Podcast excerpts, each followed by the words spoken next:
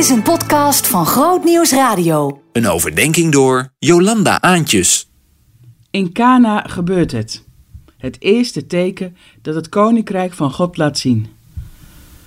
Op de derde dag, zo schrijft Johannes in het Evangelie hoofdstuk 2 vers 1, op de derde dag was er een bruiloft te Cana. Het is bij Johannes wat puzzelen waar die derde dag vandaan komt. Uit hoofdstuk 1 is dat niet heel goed te herleiden. We moeten denk ik ook niet met de klok van de tijd rekenen, maar met een beschrijving van beslissende gebeurtenissen.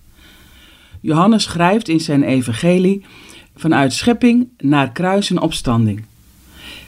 En dan kan zo'n derde dag zomaar verwijzen naar de opstandingsdag, de dag dat het evangelie voluit klinkt. Pasen klinkt al door. In deze gebeurtenis.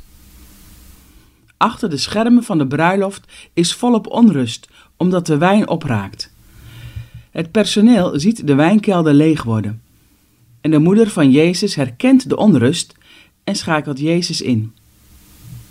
Maar na Jezus' doop is zijn relatie met zijn moeder veranderd.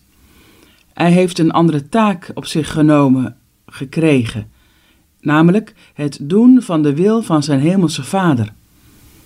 Hij wacht nu op het moment dat die vader zegt: Nu is het de tijd om te doen. Alles gaat op vaders tijd.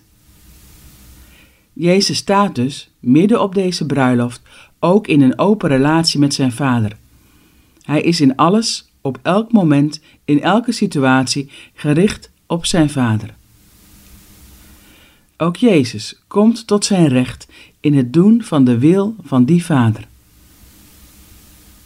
Het is een bruiloftsfeest, maar door alles heen klinkt niet een overvloed, maar een groot tekort.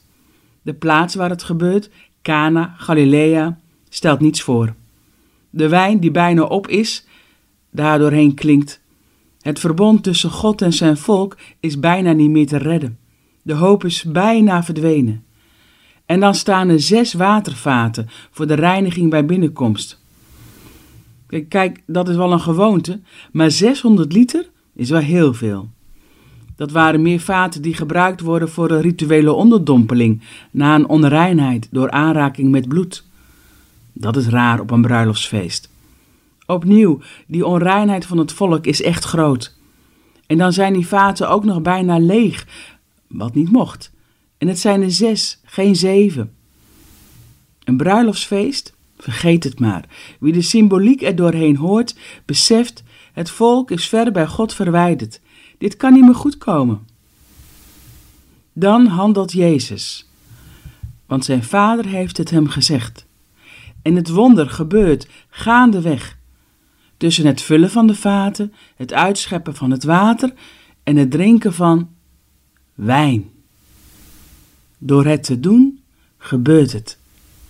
Het koninkrijk van God, door het te doen gebeurt het. Perspectieven kantelen. Het verbond wordt vernieuwd.